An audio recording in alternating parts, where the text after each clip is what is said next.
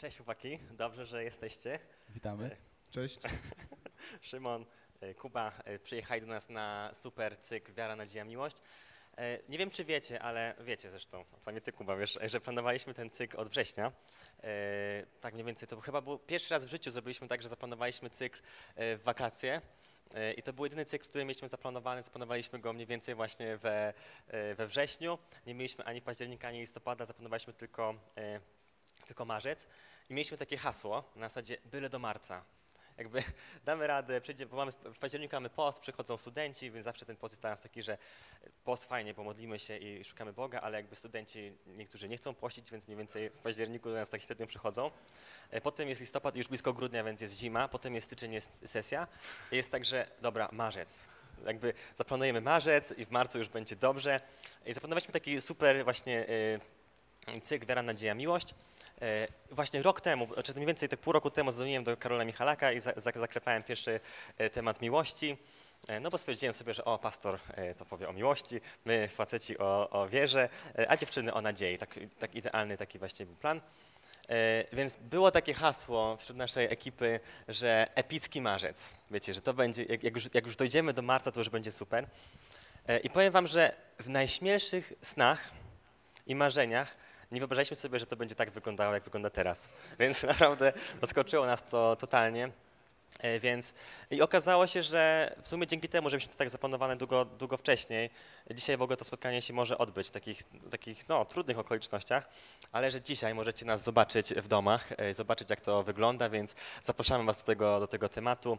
Dzisiaj temat wiary, e, ale takie pierwsze pytanie, e, jak sobie w ogóle planujecie, radzicie sobie w tym czasie, co robicie, żeby nie zwariować w tych okolicznościach, które są dookoła? Okej. e, ja na początku może chciałbym wejść z taką e, trochę prywatą. E, bardzo się cieszę, że jestem tutaj dzisiaj zaproszony. Wiktor jest, jak już wspomniałeś wcześniej, jesteśmy przyjaciółmi.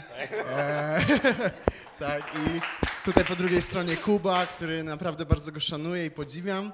E, I tak kiedyś czułem, że właśnie, że może kiedyś mnie zaprosisz właśnie w to miejsce. E, przyszedł ten moment, dwie osoby powiedziały, że jednak nie przyjdą. Mamy pandemię e, na całym świecie, koronawirusa właśnie. Dzięki, nie? Nie ma na co, to jest. Tak. Jeśli chodzi o ten czas, to mi się wydaje, że wszyscy jesteśmy jeszcze w takim miejscu niepewności. Że w zasadzie jeszcze nie wiemy, jak to wpłynie na nasze życie. Wiemy, że już zaczęło wpływać, ale nie wiemy tak naprawdę, w którym momencie będziemy mogli powiedzieć, ok, tak będzie wyglądało moje życie przez jakiś najbliższy czas i mogę się na to przygotować. Więc ja jestem na razie na takim etapie, że w zasadzie patrzę, co tu się wydarzy. O, zaproszenie, stream, fajnie. Płyniemy. Tak, płyniemy po prostu, więc e, na razie myślę, że trzeba być cierpliwym, trzeba zobaczyć, jak to się będzie rozwijać. E, To prawda. E, Szczerze, no chciałbym powiedzieć, że dobry plan jest stać o 5 rano, trenować ciężko, jeść pięć posiłków dziennie i w przerwie czytać książki, ale wiadomo, że trochę tak to nie wygląda. E, Ze względu na to, że kiedy brakuje nam jakichś e, zewnętrznych, motywacyjnych czynników, to ciężko też nam zmotywować się samemu.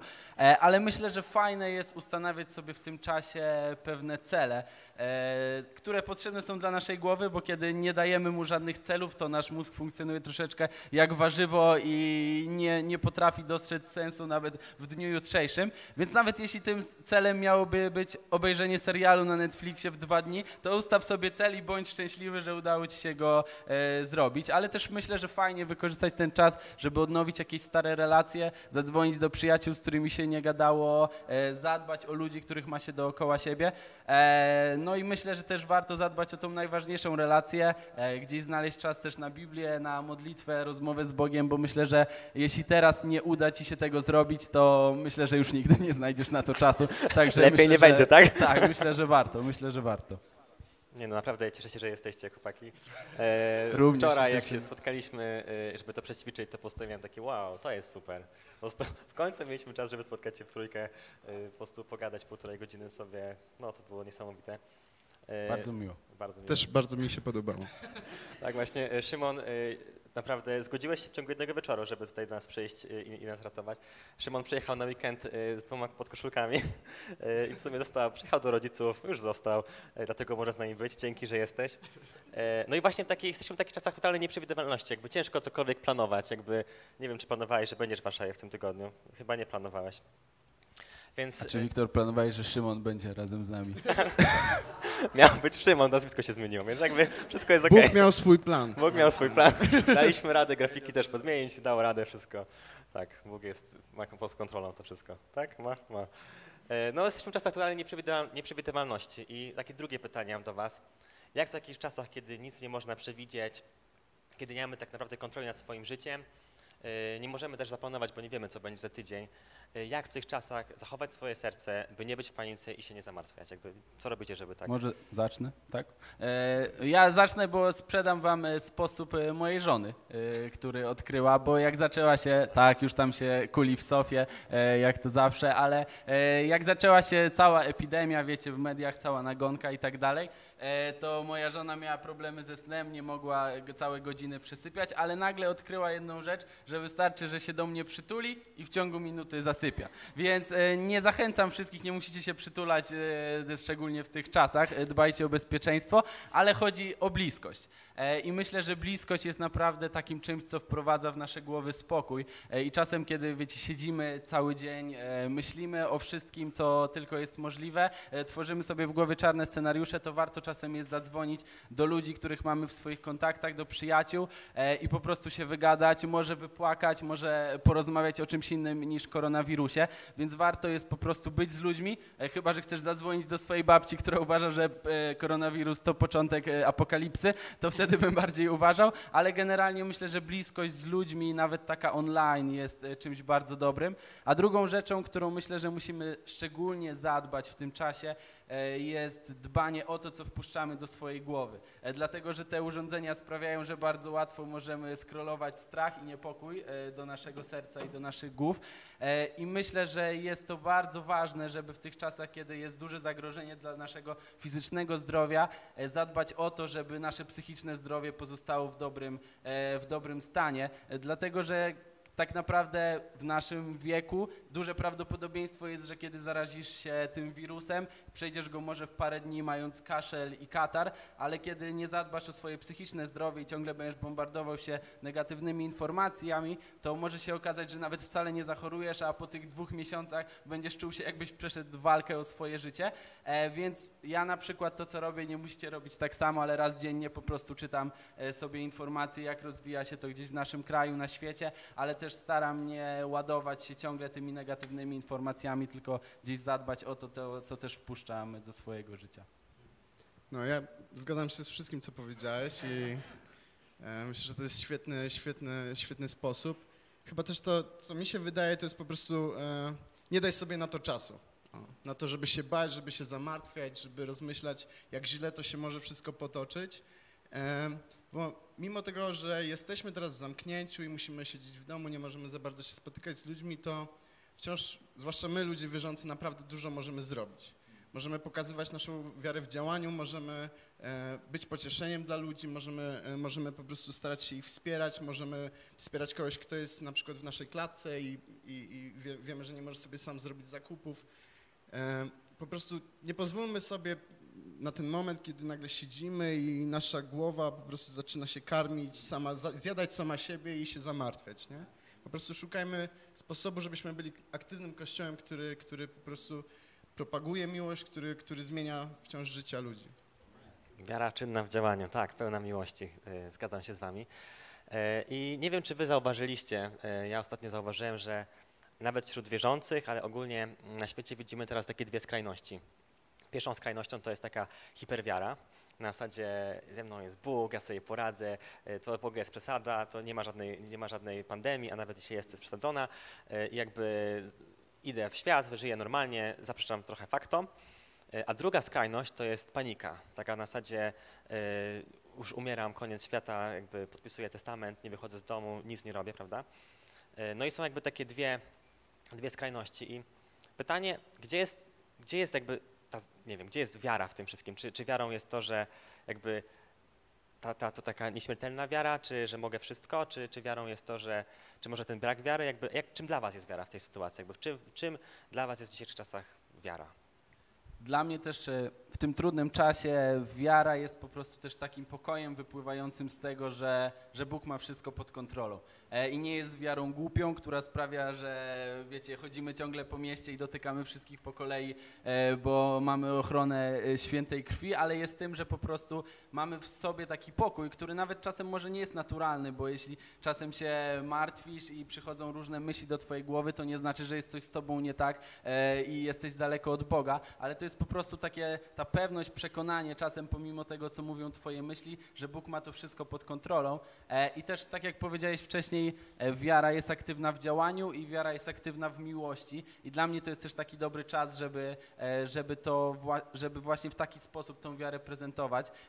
Kiedy gdzieś myślałem o tym temacie, w księdze Joba jest taki niezwykły werset, który wiemy przeszedł trudniejsze rzeczy niż e, my dzisiaj e, przechodzimy. Przeszedł chorobę, śmierć bliskich, stracił cały majątek, e, był naprawdę w trudnym czasie. I w księdze Joba 29 rozdział, w 24 wersecie pisze takie słowa, gdy mówi o innych ludziach, którzy też przechodzili różne takie sytuacje. Mówi, uśmiechałem się do nich, gdy tracili wiarę. Wybierałem im drogę i byłem wśród nich wozem, przebywałem jak król wśród swojego zastępu, pocieszałem ich też, kiedy byli w żałobie. I myślę, że nawet wiara może być obecna w takich najprostszych rzeczach, jak uśmiechnięcie się do ludzi, którzy w tych czasach naprawdę tego potrzebują, powiedzenie dobrego słowa, wsparcie, zadzwonienie do kogoś i myślę, że to jest też w jakiś sposób my, mając to przekonanie, że Bóg ma wszystko pod swoją kontrolą, możemy sprawić, że, że gdzieś tam tą wiarę zarazimy też innych ludzi. Szymon?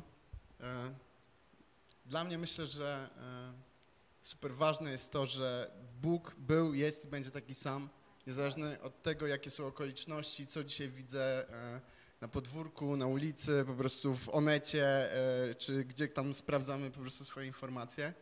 Wiem, że Bóg był, jest i będzie taki sam i wiem, że Jego plan uwzględnił wszystko, nie? Więc jakby ja nie mam poczucia, że Boży plan się zawiesił, ja nie mam poczucia, że teraz będziemy musieli czekać na to, aż po prostu będziemy jako Kościół mó- móc z powrotem funkcjonować, tylko wierzę w to, że w tym czasie mamy po prostu dalej dla siebie jakieś zadanie, że dalej możemy coś, coś robić i tak jak powiedziałeś o tych dwóch, e, dwóch skrajnościach, o, o tej hiperwierze i, i, i, i tym braku wiary, to wydaje mi się, że zarówno strach i, i pokój mogą być zaraźliwe. I nie jest dobrze, kiedy my, jako chrześcijanie, jako wierzący, boimy się i potrafimy zarażać strachem inne osoby, ale nie jest też dobrze, gdy jesteśmy chrześcijanami, których ludzie się boją, nie? Którzy uważają nas za osoby, które są nieodpowiedzialne, które e, nie mają wyobraźni, które nie dbają o inne osoby. To też nie jest dobre i tak naprawdę nie zarażasz, e, nie jesteś światłem w tamtym momencie. Dlatego uważam, że po prostu musimy mieć pokój w swoich sercach być, być odpowiedzialni i będziemy mogli widzieć, jak ludzie e, zarażają się tym. Nie? Super. Tak, tak dużo powiedzieliście Chyba cię nie temat. przekonaliśmy, Wiktor. Nie, bo właściwie e, ja zastanawiałem się, czym dla mnie jest wiara, tak jakby w tym Powiedz, czasie. Wiktor, czym dla Czym ciebie dla jest? mnie jest wiara. E, Ostatnio jakby ten temat wiary powodował, że sam zastanawiałem się, czym dla mnie jest wiara, bo chyba w takich momentach jak teraz ta, to pytanie, czym, czym wiara jest tak naprawdę jest bardziej adekwatne ni- niż kiedykolwiek wcześniej, kiedy jakby jest trudno, kiedy, e, kiedy każdy próbuje się czegoś uchwycić. Zadajemy sobie pytanie, w co wierzymy, czy wierzymy, czym jest wiara, czym jest niepokój, czym jest strach, czy się boję, czy się nie boję. E, I, I kiedy zastanawiałem się, czym dla mnie jest wiara, to uświadomiłem sobie, że dla mnie y, wiara przede wszystkim jest to, jest wiara w to, że Bóg jest dobry i że Bóg chce dla mnie dobrze. I jakby to są dwa różne tematy, bo jestem osobą wierzącą, która wierzy w Jezusa Chrystusa, który zmarł i zmartwychwstał. I wierzę w to, że Bóg jest dobry y, i wierzę, że wszystko, co robi, jest dobre i co, i co mówi, jest dobre. Ale miałem bardzo duży problem uwierzyć w to, że Bóg jest dobry dla mnie. Miałem bardzo duży problem w to uwierzyć, że czytając Biblię, to wszystko dotyczy też mnie. Y, Jakby przez całe życie wychowałem się w wierzącej rodzinie, w której jakby Bóg y, zawsze był obecny i nawróciłem się, kiedy byłem bardzo mały, y, miałem chyba 4 lata. Wieczorem przed snem pomodliłem się z mamą, że, przy- że przyjmuję Jezusa do swojego serca, wyznaję Go Panem i Zbawcą. I mimo tego, że jakby wyznałem Go jako z Panem i Zbawcą i, i wierzyłem w to, że jest Bogiem, to nie wiedziałem, czy, czy On jest dobry, czy, czy, czy jest dobry dla mnie. Wiedziałem, że jest sprawiedliwy, jakby wiedziałem, że jest wszechmogący, wiedziałem, że jest, że jest wspaniały, ale czy jest dobry, czy po prostu czym jest dobry. E, I przez ostatni rok e, modliłem się taką modlitwą, Boże, e, pokaż mi, że jesteś dobry, jesteś dobry dla mnie. I to było dla mnie bardzo trudne do zrozumienia, że Bóg jest dobry dla mnie. I chyba najtrudniejsze w tym wszystkim jest zrozumienie to, że kiedy Bóg pisze w swoim słowie dobre rzeczy do ludzi, to mówi też także do nas. I to jest coś, co dla mnie było mega trudne, żeby to załapać. I e, kiedy szukaliśmy, e, czym jest wiara i, czym, e, czym, jak możemy mówić o wierze, to z chłopakami stwierdziliśmy, że znajdziemy jakiegoś bohatera wiary, na którym się będziemy wzorować. Jakby jeśli ktoś, jeśli Biblia mówi, że ktoś jest bohaterem wiary, to znaczy, że jest bohaterem wiary, prawda? Amen, amen. Więc znaleźliśmy bohaterów wiary, oni są wypisani w Hebrajczyków 11? Jakoś tak, gdzieś tam, coś takiego. Ktoś nas sprawdzi na pewno, w komentarzu napisze. E, I był w tym, właśnie w tych Hebrajczykach, jednym z bohaterów wiary był e, Abraham e, i wzięliśmy go właśnie na, na, na tapet, żeby po prostu zobaczyć, dlaczego jest takim bohaterem wiary. I przytam początek historii, a, a, a, a wtedy jeszcze Abrama, w którym Abram został powołany. Został powołany dwa razy i przytam to. Pan powiedział do Abrama, Wyjdź ze swojej ziemi, zostaw swoich krewnych i dom swojego ojca i idź do ziemi, którą ci wskażę. A wwiodę z ciebie wielki naród i będę ci błogosławił. Rozsławię twoje imię i staniesz się błogosławieństwem. Będę błogosławił błogosławiącym tobie, a gardzących tobą przeknę i będę błogosławiony w tobie wszystkie plemiona ziemi.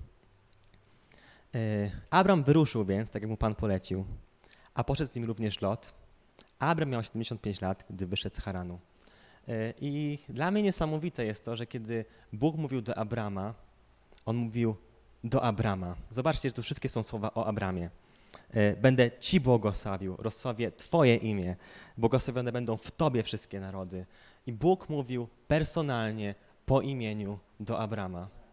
I ciekawe jest to, że e, kiedy Bóg mówił, kiedy powołał Abrama po raz pierwszy, to mówił Abramowi, wszystko, co się wydarzy dobrego, dzięki temu, że Bóg, że, że posłucha Boga. I pokazywał mu tylko obietnice i takie dobre rzeczy. Jeśli pójdziesz ze mną, będzie ci dobrze, będziesz błogosławiony. I, I, nie tylko ty będziesz błogosławiony, ale twoje dzieci, dzieci twoich dzieci, twoje narody. I wszystko, wszystko w tym powołaniu kręciło się wokół człowieka i wokół konkretnego człowieka. Bo chciałem ci powiedzieć, że Jezus Chrystus tak bardzo ukochał ciebie, że zmarł na krzyżu za ciebie, żebyś mógł być zbawiony żeby w tej krwi był, żebyś ty, żebyś ty mógł być zbawiony, żebyś właśnie ty i każdy, każdy, kto w Niego wierzy, będzie zbawiony. I to możesz być także ty.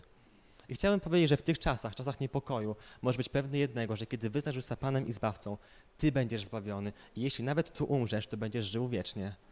I słuchajcie, i nie jest niczym złym patrzenie egocentrycznie na początku na, na Boże powołanie, bo Bóg ukochał człowieka kochał Ciebie. I jakby chciałbym, żebyśmy my byli tego świadomi, że Bóg kocha nas i chce dla nas dobrze. Yy, więc yy, jeśli zastanawiasz się, czy warto iść za Bogiem, to powiem Ci, że warto, bo Bóg chce powołać Ciebie do tego, żebyś żył z Nim i, i to jest życie dobre. Yy, jeśli nie tutaj na ziemi, to z pewnością w niebie. Z pewnością w niebie, a tam będzie wieczność. I chciałbym jeszcze, jest wiele obietnic, które Bóg do nas mówi, że w Jego ranach będziemy uzdrowieni, że jest księciem pokoju, że nieważne gdzie będziemy, będzie z nami szedł Duch Święty, który będzie nas pocieszał, będzie nas prowadził, będzie, że będziemy mogli iść i, i uwalniać, uzdrawiać i głosić Ewangelię, że będziemy widzieli cuda i znaki w naszym życiu. Y, I chciałem wam powiedzieć coś o, o, o mojej relacji z moją siostrą. Jest tutaj na sali moja siostra Wika. Tutaj jest, nie, nie wiem, chciałem powiedzieć, żebyście zabili brawa, nikogo tutaj nie ma. Zabijcie brawa dla mojej siostry z telewizora. No nieważne, jest to moja siostra i moja siostra bardzo się o mnie troszczy. E, I, i, bardzo mnie kocha. E, I, i, I, kiedy tutaj już planowaliśmy to spotkanie, e, pisała do mnie, dzwoniła, dzwoniła do moich znajomych, żeby ich namówić, żeby to spotkanie odwołać. E, bo się boi o moje zdrowie jakby. E, boi się o moje zdrowie, bo jakby no, jestem na immunosupresantach, więc jakby mi się coś stało, to nie najlepiej, więc generalnie się o to martwiła. E, ale słuchajcie, kiedy stwierdziliśmy, że jednak to robimy, to przyszła, więc to jest prawdziwa miłość jakby. Siostra, która jest w doli i nie w niedoli. I chciałem powiedzieć o mojej relacji z Wiką, bo moja Wika jest ode mnie starsza 6 lat. I jakby relacje między starszym młodzeństwem a młodszym mają to do tego. Mam też młodszego brata, więc to rozumiem, że do pewnego momentu jest, są starszacy jest młodsze rodzeństwo. I po prostu są fajni kumple, z którymi się jest y, w, w, towarzystwie i jest to młodsze rodzeństwo, które jest dzieciakiem. I przyszedł taki, y, pewien, pewien, pewne takie wakacje, kiedy chyba Wi- u, u, u Wiki w głowie zaskoczyło, że o, Wiktor jest chyba dorosły, to mogę go zaprosić y, na wyjazd starszaków. E, I to był taki wyjazd do Hyde Parku. E, Wika zaprosiła mnie na wyjazd do Hyde Parku. To jest taki wielki park rozrywki w, w Niemczech.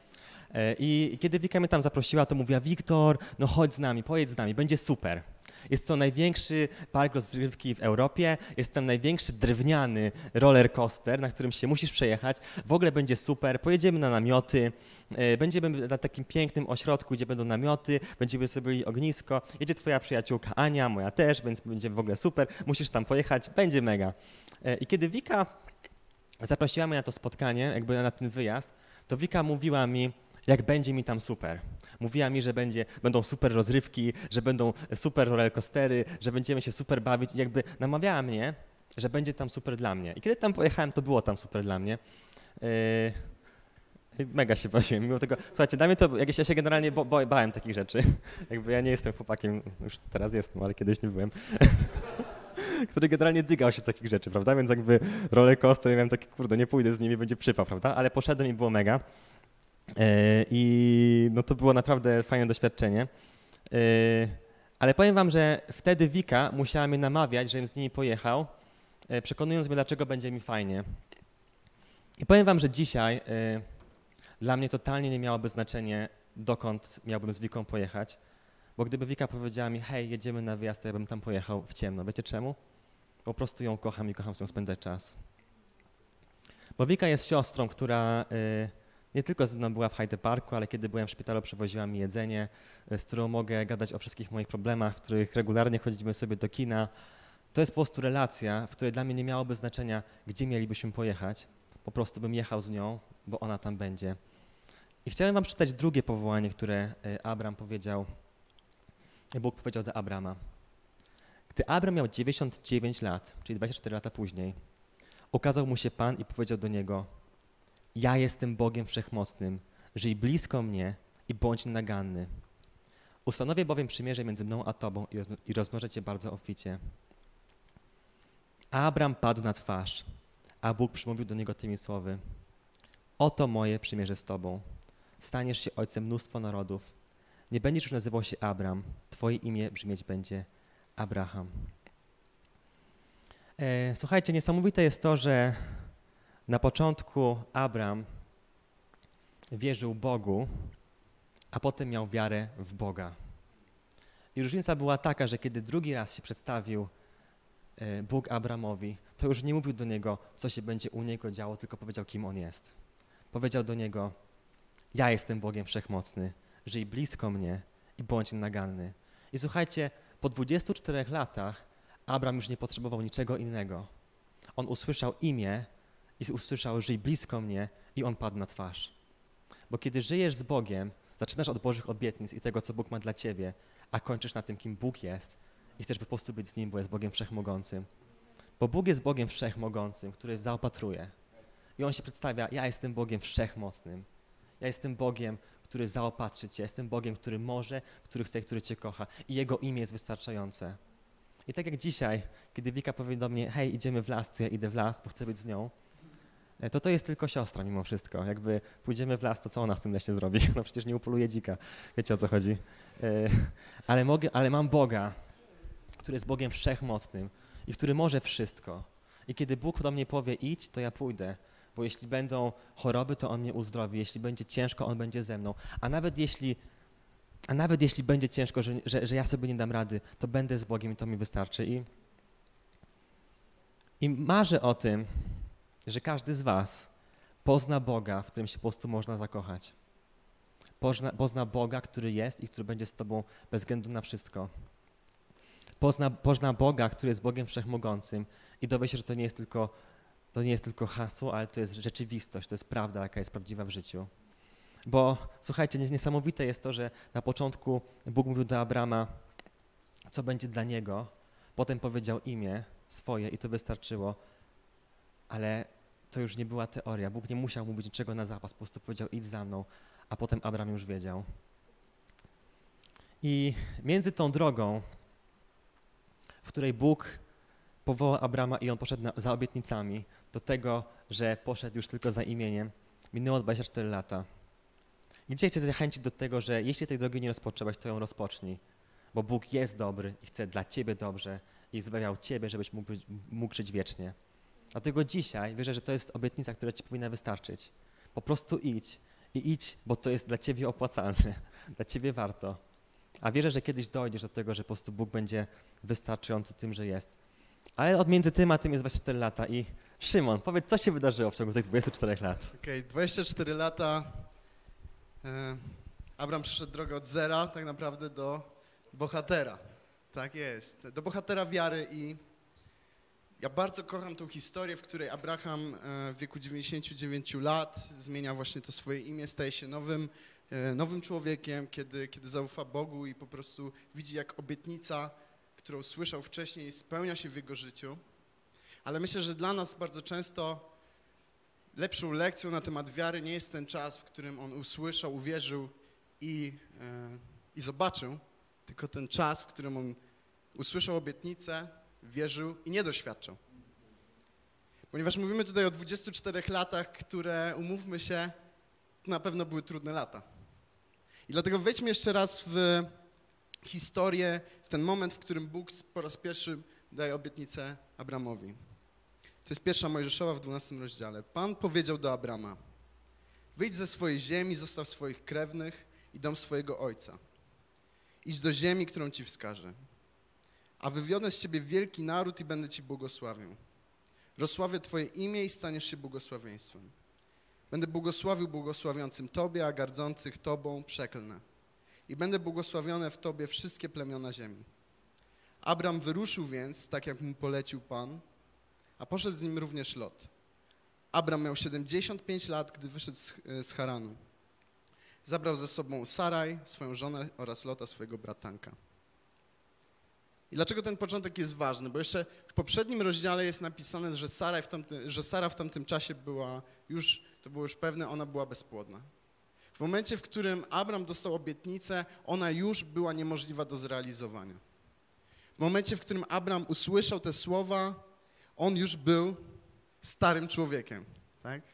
Czasami, wiecie, nie, nie można za bardzo ludzi nazywać starym, na przykład pokolenie moich rodziców bardzo nie lubi tego. E, ich nigdy nie będzie można tak nazwać, ale wiecie, masz 75 lat, już, e, już doskonale wiesz. To już widać. Wystarczy, że patrzysz na dłoń. Ten, to, to nawet nie jest obraźliwe powiedzieć do, do 75-letniej osoby, że jest starszą osobą, starszym człowiekiem. I Abraham dostaje tą obietnicę, słyszy też, też, też Sara. I wiecie, e, zastanawiam się, co on sobie wtedy pomyślał. Muszę coś z tym zrobić, tak? Dostałem obietnicę, będę miał syna. Prawdopodobnie to nie wydarzy się tak, że po prostu jednego dnia Bóg położy syna na moje ręce i powiem, oto mój syn Izaak, Boże, spełniła się twoja obietnica. Musiał jakby się za to zabrać z Sarą. Ja jestem, e, nie mam żony, ale słyszałem to i owo i coś tam wiem na ten temat. E, tak, ale tylko powiem... E, Słuchajcie, po co wchodzę do sypialni bohatera wiary? E, bo to ma sens. Słuchajcie, chodzi mi o to, że na pewno wiele razy była taka sytuacja, gdzie i zarówno Abram, jak i Saras byli razem i w pełni wiary mówili, Boże, naprawdę wierzymy w Twoje obietnice. Boże, naprawdę wierzymy, że to, co powiedziałeś, jest prawdziwe i pomimo tego, że jesteśmy starzy, pomimo tego, że wszystko, co widzimy dookoła, mówi nam, że to nie jest prawda, że to się nie może wydarzyć, my ufamy Tobie. Wiele razy przez te 24 lata musieli stawać po prostu, wiecie, tak, Boże, wierzę. I nie widzieli realizacji. I wiecie, to jest trudne. To jest naprawdę trudne, kiedy zaczniemy spróbować się wczuć po prostu w sytuację Abrama i zastanawiać się, co czyni go bohaterem wiary, co czyni go naprawdę wyjątkowym, że możemy spojrzeć na jego historię i myśleć, to jest coś godnego na naśladowania, to jest coś, co chcę w moim życiu, żeby się rozwijało. Widzę trudną drogę. Chciałem przeczytać inny werset z pierwszego listu Piotra, z pierwszego rozdziału. Teraz, gdy trzeba, bywacie po troszce zasmuceni różnorodnymi próbami. Spotykają was one po to, aby wasze, wasza szczera wiara, cenniejsza niż zniszczalne przecież złoto ogniem uszlachetnione, mogła bardziej wywyższyć, zaznaczyć chwałę i uwypuklić cześć Jezusa Chrystusa, kiedy się objawi. To jest trudny fragment też. To jest trudna historia, to jest trudny fragment. To, to porównanie wiary, która się rozwija w człowieku do, do, do złota, które, e, które, się, które się oczyszcza w piecu, to jest, to jest taki symbol, który bardzo mi się podoba.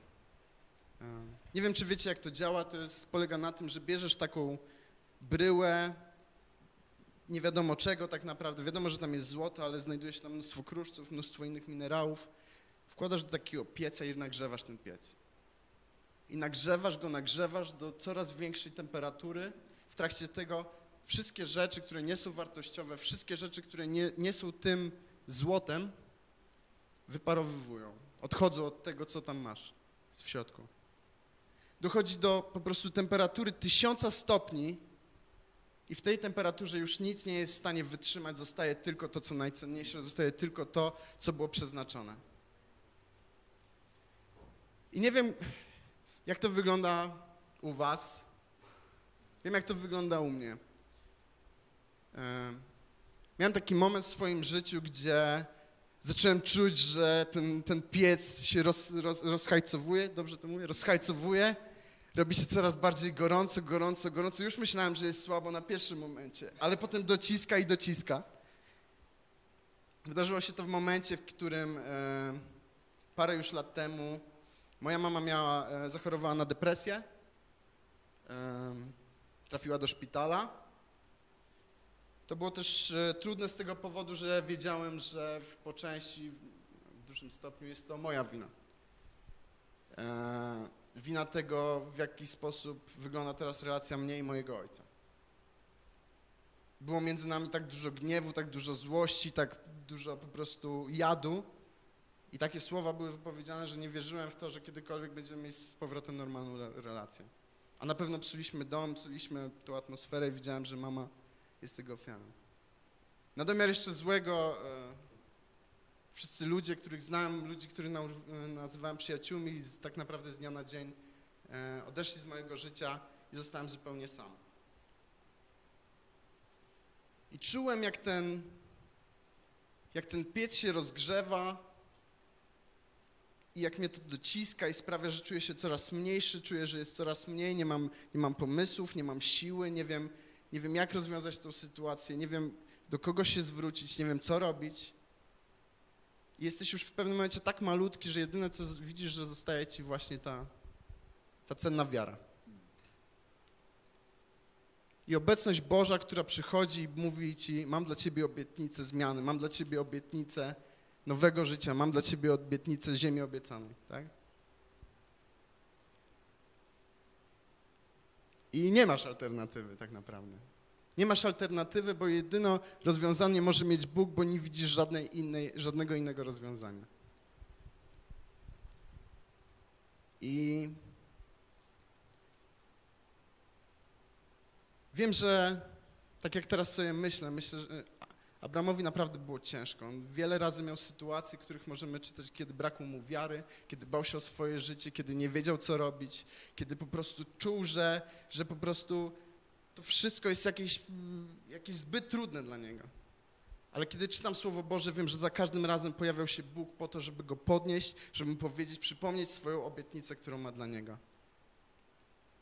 I ja dzisiaj na przykład mogę powiedzieć, że ucząc się z tego, widząc po prostu świadectwo w swoim życiu, mija czas i nagle widzisz, że rzeczy są rozwiązane. Moja mama została uzdrowiona, Moja relacja z tatą jest naprawdę świetna, po prostu bardzo się kocham, mamy dobry dom. Mam wspaniałych ludzi dookoła mnie. Jest po prostu uleczył moje wewnętrzne rany i mogę tak cieszyć się Jego obecnością, życiem. I dochodzisz do tego miejsca spełnienia obietnicy, ale wiecie, co, nie, co jest najlepsze? Że nie tylko widzisz to, co On, ci obiecał, nie? Ale widzisz, jak wiele się przemieniło w tobie w, tym, w tej drodze. Masz zupełnie inną wiarę, masz zupełnie inny charakter. Bóg zostawia w tobie to, co najcenniejsze, to, co chciał, żebyś, żebyś ty wypracował. To jest trudna droga, ale Bóg jest z tobą przez cały czas i bierze cię w tą właśnie trasę od zera do bohatera. Amen. Amen. Super. E, Ja muszę przyznać, że bardzo e, cisnąłem chłopaków, żebyśmy to właśnie Abrahama wybrali jako naszą główną postać e, do tego tematu, ze względu na to, że dla mnie Abraham, jego historia, to co jest opisane w Biblii są jak ulubione filmy. Nie wiem, czy ktoś z was lubi Władców Pierścieni. Ja oglądałem to tysiące razy, ale za każdym razem, kiedy wchodzi pierwsza scena, gdzie Bilbo Baggins przygotowuje swoje 111 urodziny, to nieważne, który raz oglądasz, zawsze masz dreszcze. I wiecie, dla mnie z Abrahamem jest tak samo. E, Jego historię z racji tego, że e, moi rodzice gdzieś od dziecka wychowali mnie w kościele, poznałem dużo przed tym, zanim e, wiedziałem, że istnieje ktoś taki, kto, istnieje ktoś taki jak Tolkien, ale za każdym razem, kiedy ją czytam, kiedy do niej wracam, to gdzieś Bóg mówi do mojego serca nowe rzeczy i mówił do mnie też za tym, tym razem, dlatego jestem bardzo podekscytowany.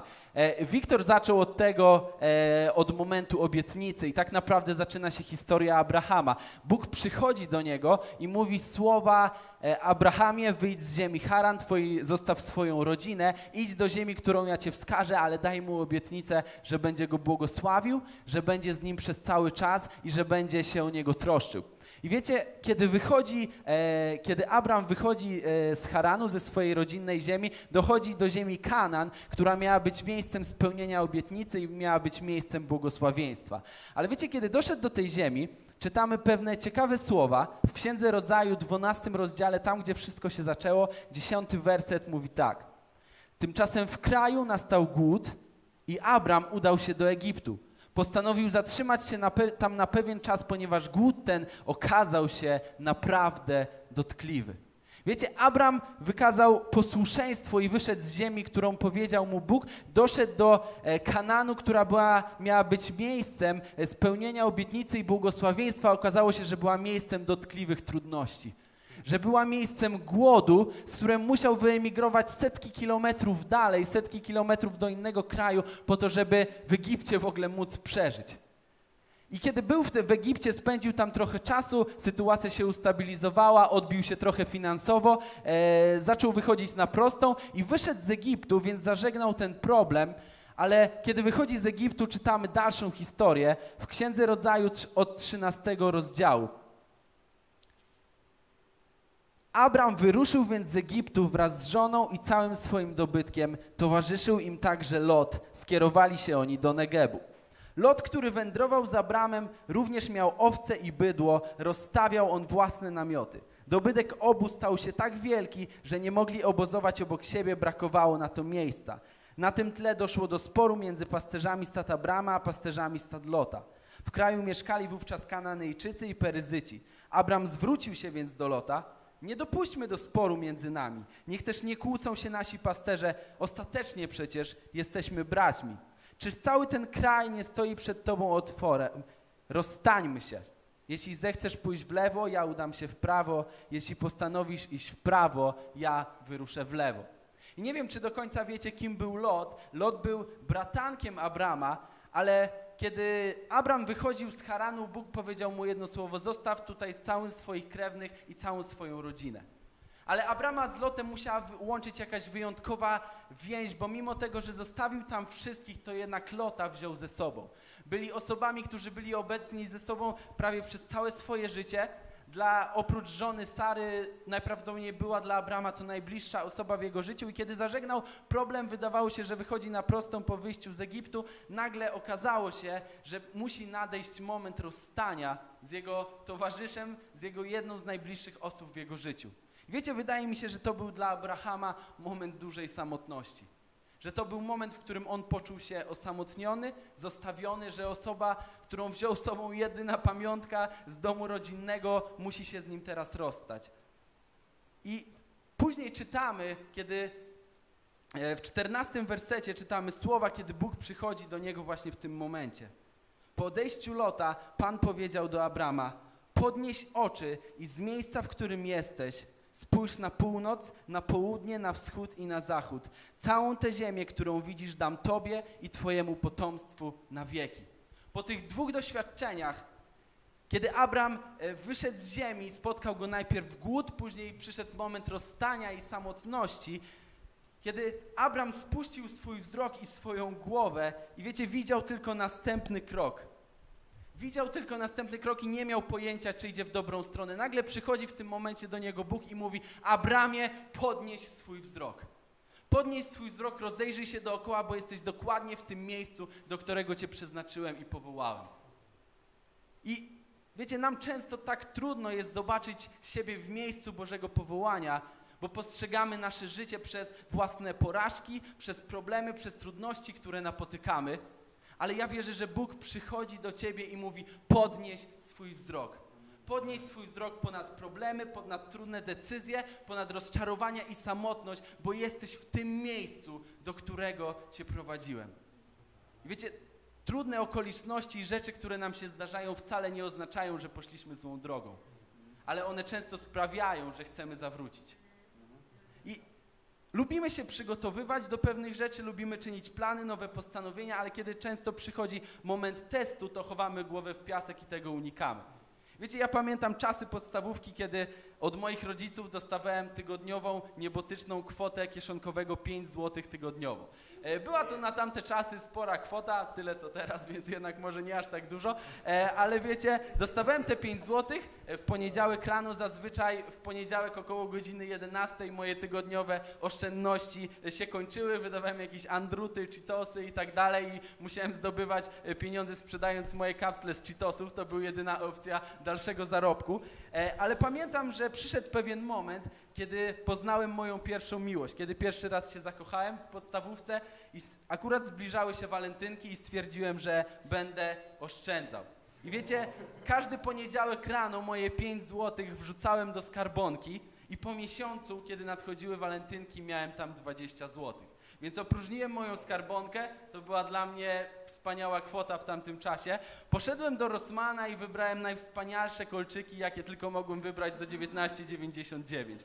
I wiecie, to nie były zwykłe kolczyki za 20 zł, jak patrzę teraz. To były kolczyki, które kosztowały 66 kwaśnych żelków niezjedzonych przeze mnie w sklepiku szkolnym, na które patrzyłem się na każdej przerwie. I wiecie, przyszedł moment walentynek, więc schowałem moje kolczyki do tylnej kieszeni spodni. I poszedłem do szkoły. Moja miłość, może nie zdradzę jej imienia, może jakimś cudem to ogląda. E, nigdy się o tym nie dowiedziała. E, poszliśmy i e, staliśmy w sklepiku szkolnym. Była to już ostatnia przerwa, bo jakoś nie byliśmy razem w klasie, a zawsze wydawało mi się, że następna przerwa będzie lepszą okazją. I staliśmy w sklepiku szkolnym. Wiedziałem, że to ostatni moment, żeby miesiąc niekupywania w sklepiku szkolnym wykorzystać i zrobić taki coming out, ujawnić się, że ją pokochałem. E, I wiecie, stałem tam, wyjąłem kolczyki z tylnej kieszeni i stałem za nią i stresowałem się, próbowałem przekonać moją rękę przez 10 minut, żeby wyszła za moich spodni i pokazała, co kupiłem. I kiedy już prawie byłem gotowy, zadzwonił dzwonek i okazało się, że ona poszła do klasy, ja wróciłem do domu, dałem mamie kolczyki i powiedziałem, że bardzo ją kocham, dlatego kupiłem jej kolczyki w Rossmanie za 19,99.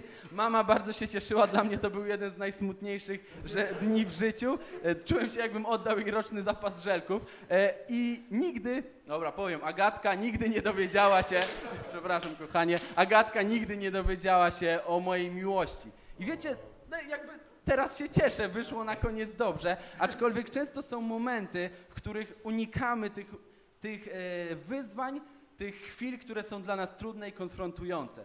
Ale wierzę, że kiedy dopuszczamy do swojego życia testy, to one mogą nas czegoś nauczyć. I chciałem Wam powiedzieć krótko o trzech rzeczach, które, których ja i wierzę każdy z nas może się nauczyć, kiedy decydujemy się przejść przez testy, które, przez które prowadzi nas Bóg. I pierwszą tą rzecz, jeśli jeszcze nie wyjąłeś swojego notatnika u siebie w łóżku, to możesz zrobić to teraz, jest doświadczenie.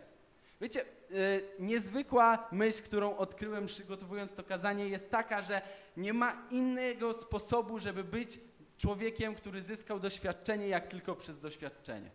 Nie ma drogi na skróty. E, wiecie, każdy, często robimy sobie wymówki, unikamy pewnych rzeczy, pewnych odpowiedzialności e, i tłumaczymy sobie, że jesteśmy niedoświadczeni. Ale każdy doświadczony lider był kiedyś niedoświadczonym liderem, a każdy doświadczony mówca zaczynał jako niedoświadczony mówca. I wiecie, doświadczenie prowadzi nas do mądrości. A najszybciej uczymy się poprzez trudne i ciężkie doświadczenia. Wiecie, ci nauczyciele, którzy byli w naszych e, szkołach najbardziej lubiani, nie mieli nic do czynienia z tym, u których uczyliśmy się najwięcej. Nie wiem, czy też tak mieliście, ale ja kochałem nauczycieli, którzy obiecywali, że na pewno sprawdzą na następnej e, lekcji pracy domową i nigdy tego nie robili. Wiecie, uwielbiałem ich, ale najwięcej nauczyłem się od nauczycieli, przed którymi czasami drżały mi ręce e, i kolana przed wejściem do klasy, dlatego że byli surowi, wymagający i zmusili mnie do pracy. I to, co działało w szkole, tak samo działa w naszym życiu. Dlatego, że sezony, które są dla nas najłatwiejsze i najprzyjemniejsze, zazwyczaj nie są tymi, które są najbardziej owocne. Ale najbardziej i najszybciej uczymy się w momentach, których nigdy nie wybralibyśmy na nasze ulubione. To są momenty, kiedy nasze doświadczenie, nasza mądrość przyspiesza i wierzę, że przez takie rzeczy Bóg chce nas uczyć doświadczenia i mądrości. Więc pierwsza rzecz, którą uczymy się przez testy wiary, jest doświadczenie. Drugą rzeczą, którą sprawiają, to trenują naszą wiarę. I wiecie, nie wiem, czy ktoś z Was lubi tutaj ćwiczyć. Nie wyglądacie, może ktoś online chociaż lubi ćwiczyć. Wiecie, ja mam, e, ja mam na, e, we Wrocławiu, skąd przyjechałem, mam przyjaciela, który uwielbia trenować na siłowni. Jest trzy razy szerszy ode mnie, to akurat nie jest może wielkim wyczynem, e, ale on uwielbia spędzać czas na siłowni. Kiedyś spytałem go, ile czasu w tygodniu spędza na siłowni, żeby wyglądać w ten sposób.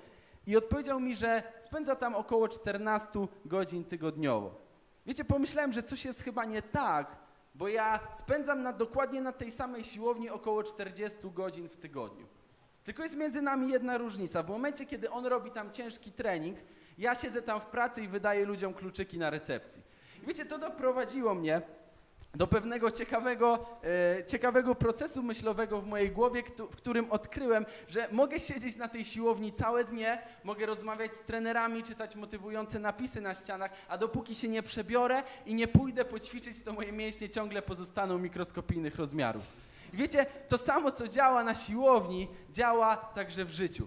Możesz być w kościele, codziennie, możesz spędzić tam większość swojego życia, otaczać się super ludźmi, inspirować się ich historiami, ale dopóki nie pozwolisz Bogu zabrać się w podróż, która będzie trudna i niewygodna, która będzie cię boleć i rozciągać, to twoja wiara za rok, dwa, pięć lat będzie ciągle taka sama.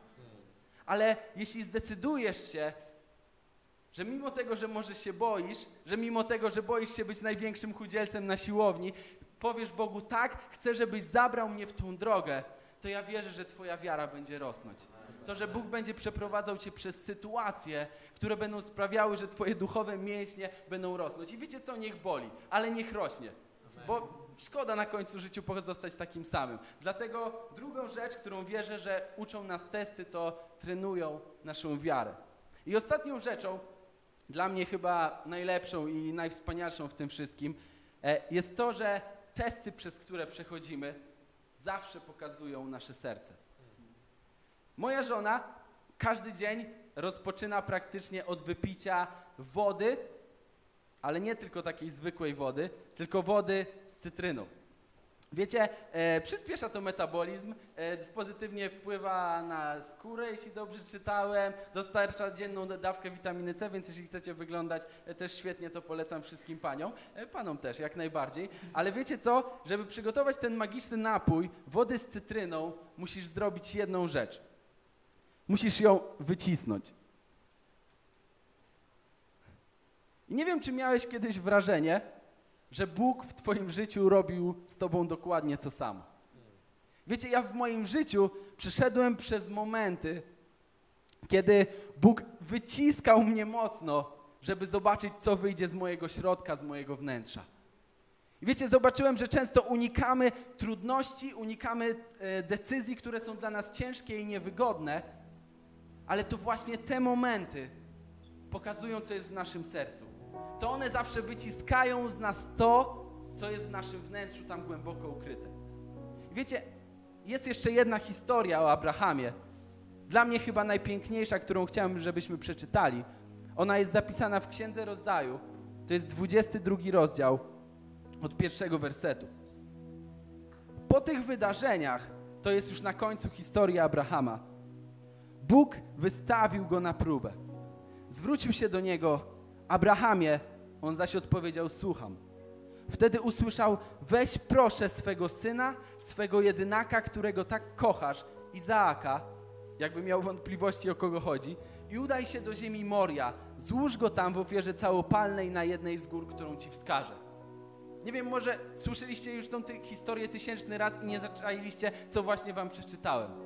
Bóg przyszedł do Abrahama i poprosił go, żeby wypełnienie obietnicy syna, na którego czekał przez całe życie, ofiarował, zabił i złożył go w ofierze Bogu. Wiecie, dla nas wydaje się ta prośba totalnie absurdalna, ale kiedy przyjrzymy się kontekstowi i kulturze, w której żył wtedy Abraham, to zobaczymy, że e, w, te, w tamtym czasie, w tamtym regionie, w którym on żył, były religie, które za najwyższy akt poświęcenia i oddania bożkom uważały zabicie swojego pierworodnego syna poprzez spalenie go na ołtarzu. Wiecie, to była chora praktyka, ale oznaczało, jestem w stanie podporządkować wszystko dla Ciebie, jesteś najważniejszy. Wiecie, dziękuję Bogu, że Bóg nie jest Bogiem, który kiedykolwiek wymagał czegoś takiego od nas. I to jest jedyny moment w Biblii, kiedy jest napisane to w tej historii i zdradzę Wam, że kończy się ona happy endem. Nigdzie indziej nie czytamy, że Bóg wymagał takich rzeczy, dlatego że jest to totalnie sprzeczne z Jego sercem. On jest jedynym, który oddał swojego Syna za nas w ofierze, żebyśmy mogli żyć wiecznie. Ale czytamy dalej tą historię, kiedy Bóg mówi Abrahamowi tą absurdalną prośbę, która w tamtych czasach oznaczała: Sprawdzam Twoje serce, czy jesteś w stanie poświęcić wszystko, co masz i czy ja nadal jestem dla Ciebie najważniejszy. I reakcja Abrahama jest niezwykła. Abraham wstał więc wcześnie rano, osiodłał swojego osła, wziął ze sobą dwóch służących i syna Izaaka przygotował drewno do ofiary całopalnej i wyruszył w drogę do miejsca, które wskazał mu Bóg. Następnie Abraham wziął drewno potrzebne przy ofierze całopalnej, włożył je na swojego syna Izaaka, zabrał z sobą ogień, nóż i razem ruszyli w drogę. Gdy przybyli na miejsce, które wskazał mu Bóg, Abraham zbudował tam ołtarz i ułożył na nim drewno. Potem związał swego syna Izaaka, położył go na ołtarzu na drewnie. Następnie Abraham wyciągnął rękę i wziął nóż, aby zabić swego syna. I uwaga, przechodzimy do zwrotu akcji. Wtedy z nieba rozległ się głos. Zawołał anioł Pana. Abrahamie, Abrahamie, słucham, odpowiedział. Nie podnoś ręki na chłopca, usłyszał. Nie czyń mu żadnej krzywdy. Tak, teraz wiem, że boisz się Boga, bo nie odmówiłeś mi nawet syna swego jedynaka. Wiecie, w tym fragmencie jest też tam napisane, że kiedy oni szli dopiero po trzech dniach, Abraham zobaczył tą górę, do której się zbliżali. To nie była górka za domem, na której on miał złożyć ofiarę, to była ponadtygodniowa wyprawa, na której on miał zabić swojego syna. Wybrali całe sługi, osły, drewno, nieśli to wszystko ze sobą. I kiedy doszli tam, Okazało się, że Bóg wcale nie chciał zabić Izaaka. I pomyślałem sobie, Boże, nie mogłeś zaoszczędzić Abrahamowi tej tygodniowej wyprawy? Nie mogłeś zaoszczędzić mu trochę czasu i tego stresu, który musiał przeżywać przez kolejne dni podróży, wiedząc, co musi zrobić. I wiecie, kiedy się nad tym zastanawiałem, to zobaczyłem, że Bóg bardzo dobrze wie o tym, że gdyby zadał mu po prostu pytanie, to odpowiedź, którą by dostał, nic by nie zmieniła. Mógłby zapytać Abrahamie, czy jest, jesteś w stanie zabić swojego syna i ofiarować go mi? I Abraham mógłby jak najbardziej powiedzieć: Boże, dla Ciebie wszystko. Ale Bóg wiedział, że nasze deklaracje i postanowienia mogą zmienić się bardzo szybko. Ale postawa, nasza postawa w momencie trudności i doświadczeń zawsze jasno pokaże stan Twojego serca. Dlatego Bóg nie zadał Abrahamowi pytania. Dlatego Bóg kazał Abrahamowi przejść przez test, przez doświadczenie, które pokazało jego serce do samego końca. Nie było momentu, w którym zrezygnował. Wiecie, kiedy jesteśmy ściśnięci, kiedy przechodzimy przez doświadczenia, które wydają nam się za trudne, to wtedy zawsze wychodzi to, co jest w naszym wnętrzu. Pokazuje to nam, nam pokazuje to Bogu. Chciałem, żebyśmy zamknęli swoje oczy, tam gdziekolwiek, gdzie teraz jesteś, żebyś zamknął swoje oczy i posłuchał tego, co Duch Święty mówi teraz do ciebie. I może są pewne rzeczy, do którego wiesz, że On wzywa cię od jakiegoś czasu. Może jest droga, w którą On chce, żebyś wyruszył, ale przez strach, przez to, że myślisz, że nie dasz rady, że to jest dla ciebie za trudne, od dawna odkładasz to na bok. Ja wierzę, że dzisiaj jest czas, w którym Bóg chce, żebyś wyruszył w swój test wiary. W którym Bóg chce, żebyś powiedział, że mimo strachu dzisiaj chcesz pójść razem z Nim. I Bóg obiecał nam w swoim słowie, że On nigdy nie będzie sprawdzał Cię w teście, którego nie jesteś w stanie zdać. Że On nigdy nie dopuści więcej, niż jesteś w stanie znieść. I chcę Ci powiedzieć jedną rzecz. Jeśli teraz przechodzisz przez jakieś rzeczy, które wydają Ci się za trudne, za straszne, chcesz zawrócić, zrezygnować, to jeśli przechodzisz przez to teraz, to znaczy, że właśnie teraz jesteś w stanie przez to przejść. Że jesteś w stanie podjąć dobre decyzje, że jesteś w stanie odciąć pewne relacje. Ale musisz pozwolić Bogu, żeby przeprowadził Cię przez doświadczenia, żeby rozciągał Twoją wiarę i żeby pokazywał stan Twojego serca. Boże, dziękuję Ci za to, że Ty mówisz, ja wierzę do każdego w taki indywidualny sposób.